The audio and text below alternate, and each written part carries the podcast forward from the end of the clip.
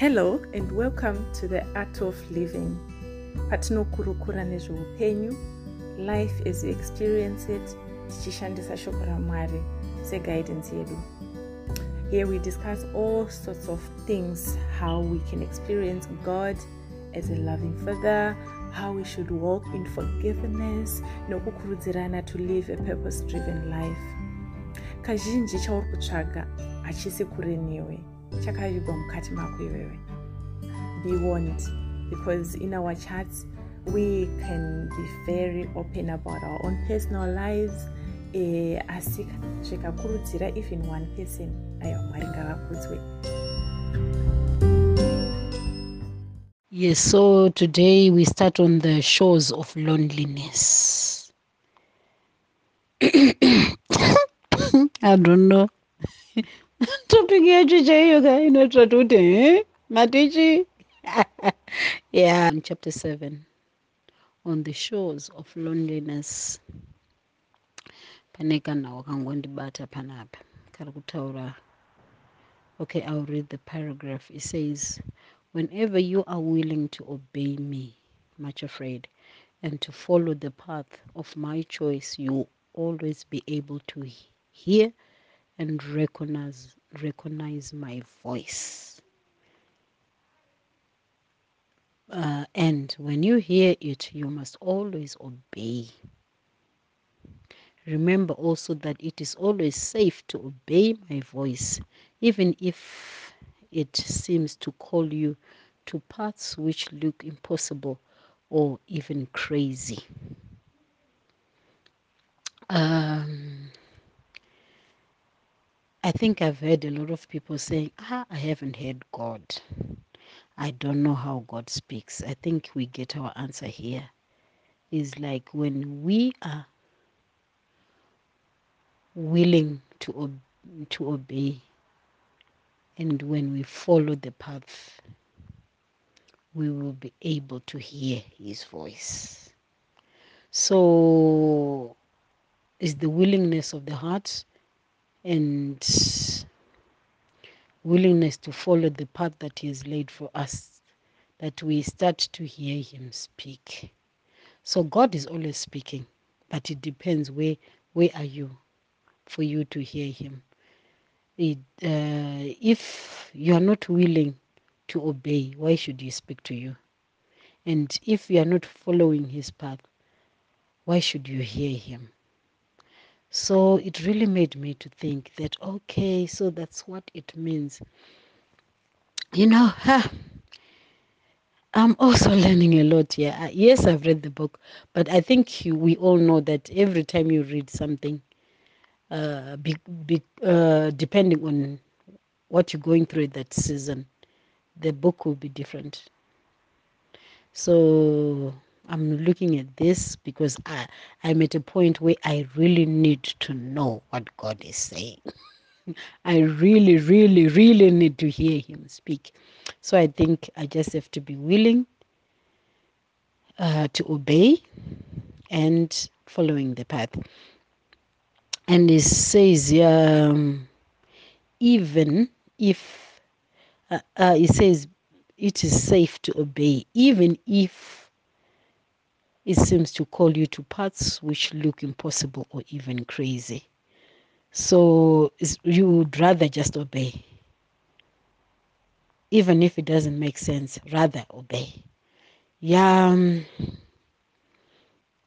ah, at times I know it's very it's very trying to o- to obey when it's not making sense. But uh, like I said in last week's teaching, that His ways are not our ways. You know, I'm facing some situations uh, where I am actually like thinking, okay, what is God planning? And will it make sense? I know you may think, oh, she's crazy. But yeah, you know, there are times like that. So I think I'm being warned here that even if it doesn't make sense, I just have to obey. Yep. The other thing that I'm looking at here is um, um,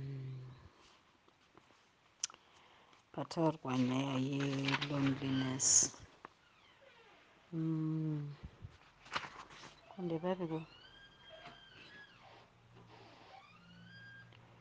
let anzi much afraid and her two companions walked along the shores of the great sea for many days and at first it seemed to her that up till then she had never known real loneliness. You know tinowanzofarira statement inoti i am unique. Unique zvinoreva kuti hauna wakafanana naye ende zvaunoita hakuna umwe anozviita but i don't know if we really know kuti unique naloneliness ihama nehama nokuti uunique hwako ka. Zviri kureva kuti une nzira yako yauri kufamba uri wega iwewe. Yaunofamba iwewe chete. And that road can be very lonely. Very very lonely. That uniqueness iyoyo chinhu chakanaka asi chinogona kutipa ulonely chaiwo because hakuna wokukopa you know in fulfilling your purpose ka hauna waunokopa because purpose yako ndeyako and you are unique in your purpose. Kazhinji tinowanzoda kubvisa that uh, loneliness iyo by uh, imitating zviri kuitwa nevamwe who are doing something that is kind of like similar to what we are called to do. Tinoda zvemagurupu tozvida zvemagurupu ah sterek we feel comfortable kana tiri mumagurupu but uh, mukuzadzisa uh, your purpose yeupenyu you can't avoid being lonely because you are unique.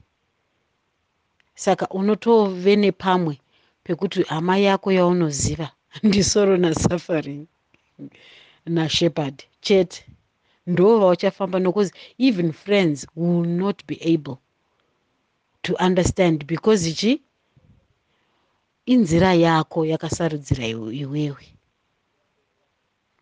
And even vabereki they may not even your pastor may not be able to help you because zvinhu izvi zvinenge zvakasarudzirwa iwewe kuti ufambe ipapo.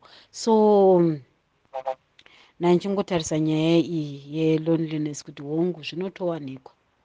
And we should accept it with joy sezvatakadzidza. Kuti and do you know kuti when you accept with joy zvinhu zvinoreruka? You know zvinotongoreruka hazvizonyanyo kuoma and you start to enjoy your uniqueness rather than chi kuve munhu wevanhu wekuti zvese uda kuita neshamwari zvese uri kuda sawira padhuze. There are things that you have to learn to do on your own and it will be the will of god. And you will be the only one walking on that road. Usina wokubvunza kuti ndizvo here kana zvakadai. Kunze kwaiye muridzi ati ufambe rodhi iyoyo. Hmm. i think i'm talking to myself hii vasikanaka e, kuvhaluku kunotori nenyaya dzetichirongwa about our lives. So now i can see where uh, vese vari against our plans. Kuti vari muvhali vari kuronga kuti mati apat hazviite they dispatch vanhu vakafanira nguva iyoyo. Vanenge vachinzi vakudzo repasi so whatever we are doing uko kune vari kurongawo zvavo kuti vachidispacha mateams avo kuti this time kwakuenda nhengi ngaamudzikise pasi. It doesn't matter what they plan. It doesn't matter who they dispatch to follow us but acceptance iya nekudana kuna lord wedu zvinotisvitsa kwatiri kufanira kuenda. And pataura pakuti iva vekuvhalika kana masituations anogona kuti like take advantage of your acceptance yekuti okay ndiri kuaccepta time yandiri. Oda kutake advantage manje musituation yauri. But we just need to focus. We need to focus. No matter who is dispatched after us no matter ndiani azotumwa to follow us? We need to be focused. Kuti tisvike kwatiri kufanira kuenda. Ah there's this part yekuti i've seen it ever since vakakwira from the valley vachikwira gomo nekuzoenda kumapyramids nekuzoenda kushore muri kuona here kuti pane rest iri kutaurwa the rested for a night the rested for a while. Rest iyi i'm not really sure zvangu kuti yakamira sei but kuzorora zvako kuti i'm not really sure if anybody can help us here. Because ndiri kuona kuti the rested kwakati the rested pane time havaramba vachifamba. Is it a time here yokuti you feel like you know what? I just need a break. But you know like youare not hausi kustopa kuta follow god but you just take a break. I'm not sure about this rest. Help me. Andafarira hangu chief shepard hanzi quietly zvavo vachibva vangoti this is the path yatakuenda aikaka oh bcause unogona kujairira ka futi kuti ah ndiri mudesert for bcause havana kutaura for how long? Which is the best part of the story? Kuti audzwe kazhinji kacho kuti uri mudesert for how long? But all of a sudden iwe wajaira desert iwe vakuti no taakuenda kumvura uko you know? Tisazonyanyojairira masituation let's be alert kuti anytime they will change. Anytime they will change. So unexpectedly quite unexpectedly they came to this path. Chief shepherd like this is the path we need to follow. I'm so glad. Kuramba ndichinzwa chief shepherd vachiti ufunge no distance separating us. Just call me and even ato confront one of those four guys from the valley i'm glad kuti she'd remembered to call akati my lord and my lord vakaya vari chimhanya swiftly. It's just amazing how we keep seeing my moments ekuti anota get into trouble but the moment she realizes i have to call my lord vauya it's just amazing. And the fact yekuti when he gives us an instruction to follow or to do. Kazhinji kachoshoka zvinosetsa zvinotoita kunge zviri impossible kana kuti in fact zvizhinji zvinoitwa namwari zviri contrary to the world. Abraham angonzi buda ndichakuratidza kukuenda i mean you like really? Panofanira kunge paine planica from plan, plan a to b ndichazosvika rini how many days nenichizoita sei ndasvika ikoko but mwari angoti buda ill show you place where you go. You're like really? Ndimwari i don't think ndimwari because zvavo so zvinhu zvese zvamwari ka zvinosetsa nyika. Asi kuzviteedza zvinoshamisa zvinoshamisa and also when i came to that part yamaverenga iyo yekuti kunzwa my voice and i think ndiyo key yezvisi because to follow him unge watomunzwazve because remember that day she heard the, the, the song the code yavanga vapanana kuti kana wandinzwa ndaimba. Thats a sign wekuti uchiteera saka ukasanzwa manje you can't follow. Unoteera kupi kusina voice.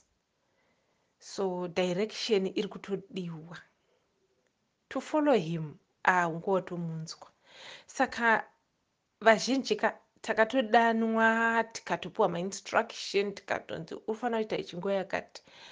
But ari kutiona tiri paakatidanira ipapapo chief shepherd because atava kumunzwa because dai takamunzwa takateera saka ndikunyatsopiktya soka.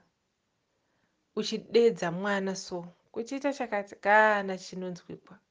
Kwaiva chakazoti a ah, kana voisi rako asitorinzwa then you like name asi mwana haanzwe you know we was like hausi kundinzwa inga ndiri kukudedza one you know what we say kana uchidza mwana and you, you think kuti vakunzwa. Iwe toti no ndandine maheadphones ndakukunzwai.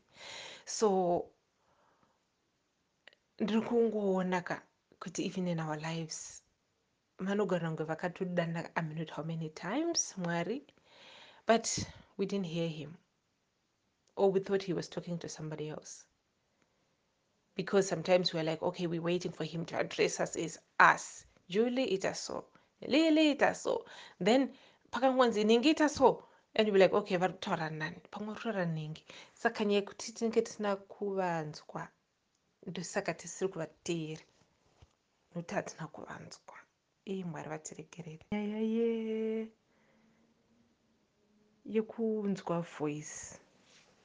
Isusu takatokurawo tichifunga kuti mwari unotorinzwa voice racho vachiti juli chakati chakati. You know? Even vamwe vachitaura kuti a ndanzwa mwari achiti and you be like ha ina hambotaurawo neni achidaro one that's why you know because ndozvatitaura kuti we've not gone through mateachings iwayo ekuti voisi ramwari rakaita sei unorinzwa sei and techitoda rekutoti ringe chitotaura kuti juli chakazoti mupoti woiva akanangana nenapa saka so many many times we've missed his voice. He's been talking and he's still talking but we don't recognize him because we're not expecting him to say in the way he's saying because his ways are not our ways. So he might decide to talk to you through a song. He might decide to talk to you through your allegory or anything but isi taitomirira kutonzwa voisi chairo zvichotaura asi kana the uniqueness of us and iyesu kutosiyana kwatakaita. Our different date of birth our different times of birth our different names our different structure our different shapes. Yakudzoka kushape iyaya yekupurpose kuti how differently we are shaped is how differently we are going to face uh, this vast uh, place of loneliness it's different. We might get a like someone ane similar situation to say ah ini ndakakunda so but kungo kwekwekusimbisana kuya kuya otherwise chokwadi ndechokuti munhu you face ultimately you face this alone and the way yaunotozobuda nayo ka is totally different. It might be similar kune mumwe but kuya kwekusimbisana kuya uh, 120 u gee 128 was v 129 anditi but tiri this paragraph i'm going to read it. And on seeing this transformation she knelt down on the edge of the cliff and built a third altar. Oh my lord she cried i thank thee for leading me here. Behold me here. I am empty as was this little cove but waiting for thy time to be filled to the brim with the flood tide of love. Then she picked up a little piece of quartz and crystal, which was lying on the rocky cliff, and dropped it beside the other me memorial stones in the little bag which she carried with her. You know, panauye love ka indofunga every day. I just come to that altar to fill me lord. Ndipo panotanga kuya hama dzangu dziya dzinozovhiringidza because you know like uh, at times like uh, vanhu vandogara navo ini ndiri munhu anoda zvinhu zvinokurumbidza ndoda zvinhu zvangu zvine order ndogara nevanhu vari slow. And at times i get impatient not nevawo chete. Even kuna mwari ndozviita when i know what needs to be done and it's not happening you know i start to get so i'm praying kuti mwari wangu ndigonesa pandakapaverenga ndakati thank you jesus for showing me this. But i just have to continue to be his hand maiden acceptance with joy no matter how long it takes so that hama idzi dzisandisvikire and then the shepherd says i think said the shepherd gently that lately the way seemed easier and the sun shone and you came to a place where you could rest. You forgot for a while that you are my little handmaiden acceptance with joy and were beginning to tell yourself it really was time that i led you back to the mountains up to the up to the high places when you bear the weed of impatience in your heart instead of flower of acceptance with joy you always find your enemies get an advantage over you. It's i don't know to you others but ndinozviita ndinopasvika pekuva impatient kuti ko mwari kusvika rini? Ah, please ngatiitei because indagara ndiri munhu hangu ainetseka nepatience ndichiri kutobatsirwawo najehovha in that area. I think lily can tell you kuti haini zvemanga manga ina ndambovhira ndakazvida ini you know and god is still helping me in that area. So izvozvo ndatodzidza and then we get to see kuti ari kufamba kudaro kwanzi hama dziya dzakazouya the fearings dzakazenge dzamusvikira dzigomuvhiringidza dzigomutosa dzigoita sei she didn't know what to do. Vakamuvhiringidza zveshuwa but ndandakatarisa paazovhunza kuti nhai zvaitika sei izvi? And then ndobva audzwa kuti iwewe kai paunga uchifamba zvanhu zvaacomfortable wanga wakunakirwa and you think you can do it and you became impatient. Pawaita impatient ndo pavasvika vanhu ava. Paunga wakufunga iwo kuti you can handle the situation and why am i taking you away from the mountains? And you really wanted to get to the mountains quickly. And ndo paunga ipapo apo ndo pavauya ipapo. So we see kuti patinozokangamwa kuita accept everything nonzi acceptance with joy. And start kupusha you know kuti no no no zvinhu zvangu zvanonoka. Chichichiche we open ourselves to vana fearing hama dzedu dziya.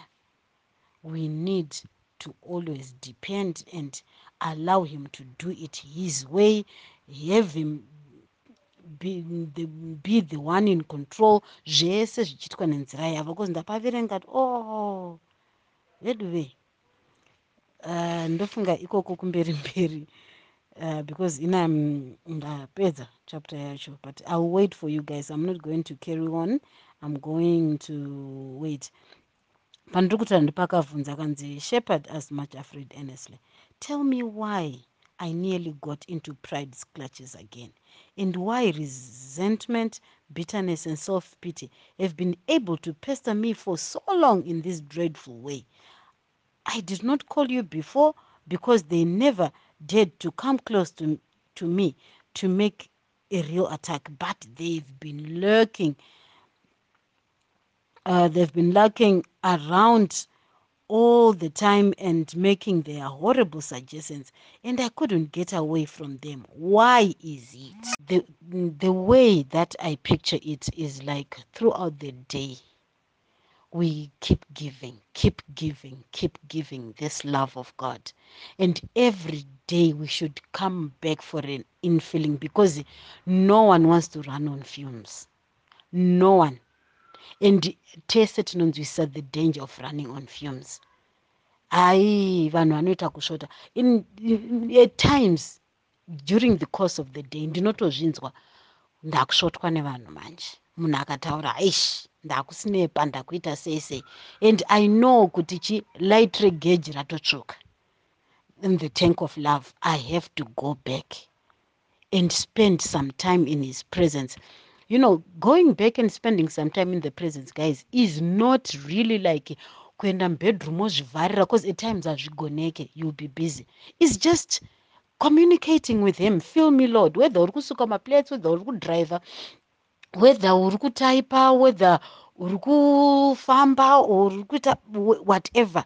You can just communicate with him. You know i get so encouraged naningi uh, that panyaya nehemaya hanzi nehemaya aitaura namambo anditi ndobva abvunzwa zvaakabvunzwa ari ipapo nehemaya hanzi he prayed and then he answered. Nehemaya haana kubuda from the presence dzamambo akaenda akanonamata but ari ipapo he prayed and ndobva apindura and mwari vakatomuudza zvekutaura ndobva apindura so its like every time we should be checking ourselves and I'll accept kuti father i'm now empty. I'm just like this cove that has been waiting for your feeling with the, with the flood tide of love. Just flood me. Because vadikani kana kune chinhu chinorema kuita uh, purpose yamwari is to do it without love. Love is the oil. Ndio oiri inoita kuti zviite. Kana pasina tinonoka for real unonoka sure. Kunzwa kunzi ah injini yanoka. Because ichi you are doing it ichi pasina the thing the, the, the, the, the love of god. So every time let's build this altar yekuti ndizadzei nerudo rwenyu even ukanzwa throughout the day ingodeedzera just like we call for his presence. Let's just call and open our hearts. Feel me lord. Zvandaona pa ndezvokuti zveshuwa munguva yequiet yaya yesilence uyu anganzi she was directed to go that side anditi kuti hanzi amboita rest you know kuti ambonoresta chichichi and you know what she did? And she started wondering of i may not say we were, i think we we are it's, whether it's just in beauty in us to be to not be idle. Zvaizonzi an idle mind is a devil's workshop. Ah akabva atanga kuvhunga akambotanga kuzvinzwira tsitsi akambotanga kufila filled with bitterness? Because I, th i don't think i think being silent ka is mwaiti yanzi it's an art we really need to work at it. Just being standing still or sitting still. Just resting. Resting inenge inotinetsa tinobva tatanga kungoita fidgety fidgety like zvazvakuita much afraid.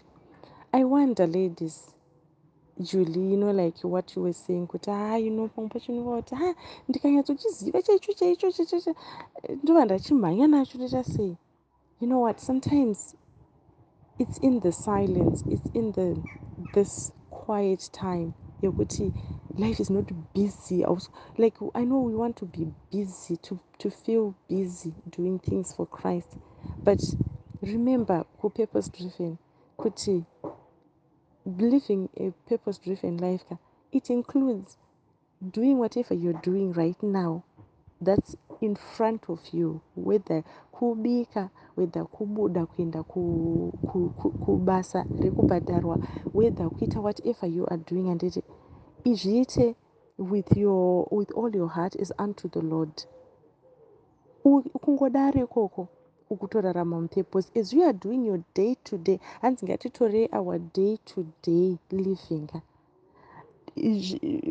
tozvipa kuna mwari tozviita is unto the lord ivo manjeka you then as we are doing the little that we are doing much will be revealed kuti okay apa chiita chakati apa chiita zvokuti unopisira kurarama mupurpose ka because living in the purpose should not feel like it's a thing that we are doing. It's our day to day life but lived in a way that is pleasing unto god. Yaunozonzwa kuti ah, i'm making god smile. I'm enjoying this. I'm saving others you know what i mean because sometimes tikunyatsoda chechi chiri because i used to do that as well kuti ndinyatsoti ndikuda chandinyatsonzi icho uyo kauyo ari kuchiita ichi uyu ndo chake chaicho chaicho no our day day to day ordinary lives how we actually live them let's not be you know like wanting to kuti ha ndikanyatsochiva ndikachinyatsocinzwa we are listening out for things that probably are not going to come kusvika. Ta still enough and ta tave faithful in what is in front of us right now. Because tine chitorarama ndokutorarama kwacho. You remember purpose driven because taiti ha ndofunga patopedza unenge waunyazozwa kuti ha inini here? Inini kana ndiri wokukoma mabhenchi ndo zvinobva zvanyatsoita clear no it turned out our everyday ordinary lives. Iwayo when we lived in a way that is god conscious tinenge tatotanga.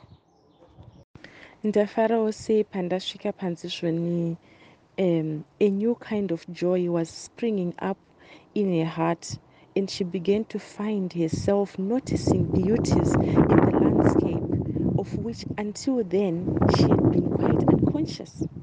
You know like when she had started you know when she was changed from within. Even when she realized kuti ha inini ndachinja ndakufamba a little bit more upright you know ndane kastamina and then she actually realized kuti ah panga achimbofunga panga achiti akatarisa unonge mashows aya.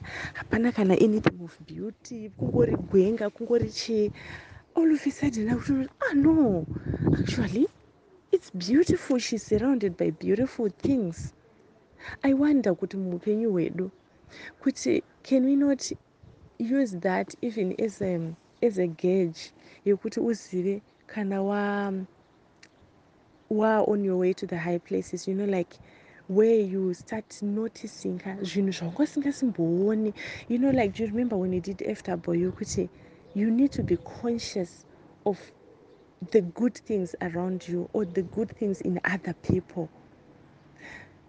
Because when you do that ah, eya hazvibvise the ugly things but it just brings the good out even more to the front. So i wonder if we can actually use that as a kuti in every situation soka kungoona kunge zvinhu hazvinombonyatsoita zvakanaka izvi. Ai zvingori vanhu vari kukanya mhani. Ai chichazodai. I wonder kuti here kuti tiri how far we are at that time from the will of god for our lives.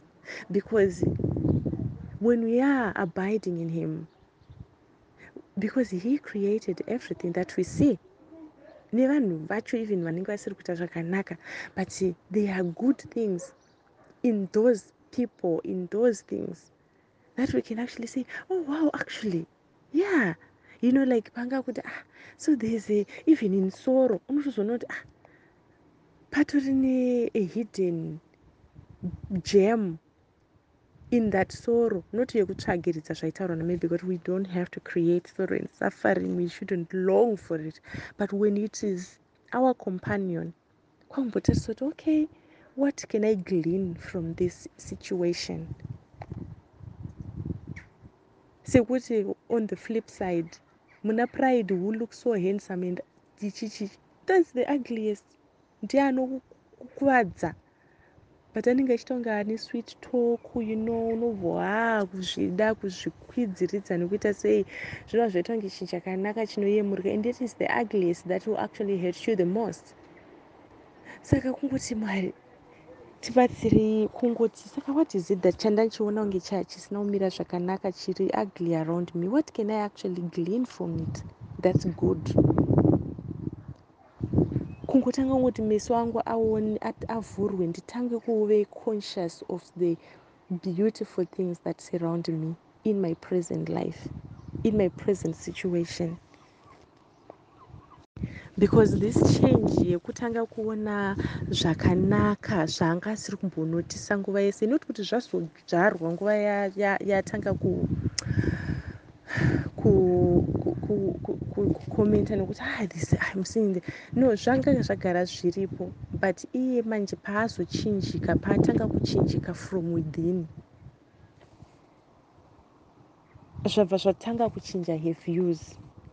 So internal change is far more important. You know when you start changing from within kutanga kuchinja kwoko mukati munhu wemukati unongonzwa kuti i'm feeling transformed. I'm feeling more peaceful. I'm feeling more at rest. I'm feeling more trusting of whatever god has in store for me. I'm feeling more patient because imwe futi being impatient. Ukangotarisa kungoti zvinhu zvese zvatinonziswa nelove is this or the fruit of the spirit is this.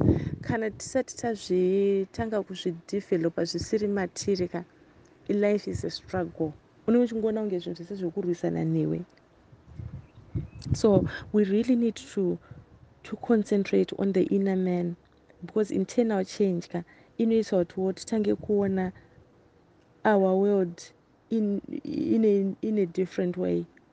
And we start walking zviri steadily because even uh, much afraid pakatanga panga kutanga kufila the transformation from within. Even mafambiro ake ah, akutonoti ah, inga ndatoye lot more steady. I'm steady yeah now.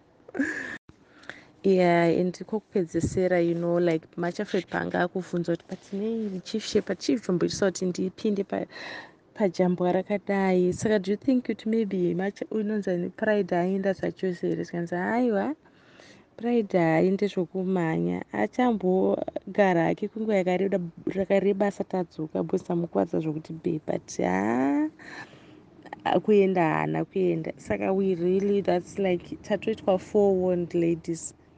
Kuti tirambe tiri you know on the lookout so that we don't get inonzi overtaken nepride whatever stage yeupenyu yatinenge tave on our journeys to and from the high places. Uh, yeah we really need to be on the lookout. It's almost scary kungofunga kuti ye we, we can be our own enemy, worst enemies you know through pride. Veduwe mwari vatibatsire tirambe tiri humble until death even as our lord was humble even to the death on the cross.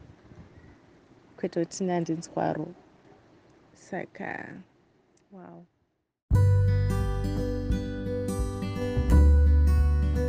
Thank you for listening. We have come to the end of this episode. If you have any questions relating to what's been discussed, or you just want to share your own experiences, please email us on the art of living zim at gmail.com. The art of living zim at gmail.com. And please don't forget to share this podcast with others if you're finding it helpful or interesting. Hope to hear from you soon. See you in the next episode.